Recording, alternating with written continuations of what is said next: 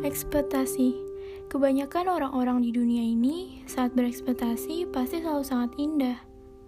Sampai-sampai mereka tidak memikirkan hal yang terburuknya.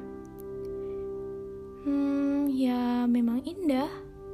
Tapi sayang, itu tuh cuma sebatas ekspektasi.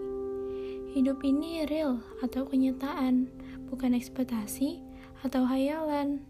Jangan marah, jangan benci kalau ekspektasimu tidak sesuai dengan kenyataan. Ini adalah dunia nyata. Ini bukan dunia dongeng.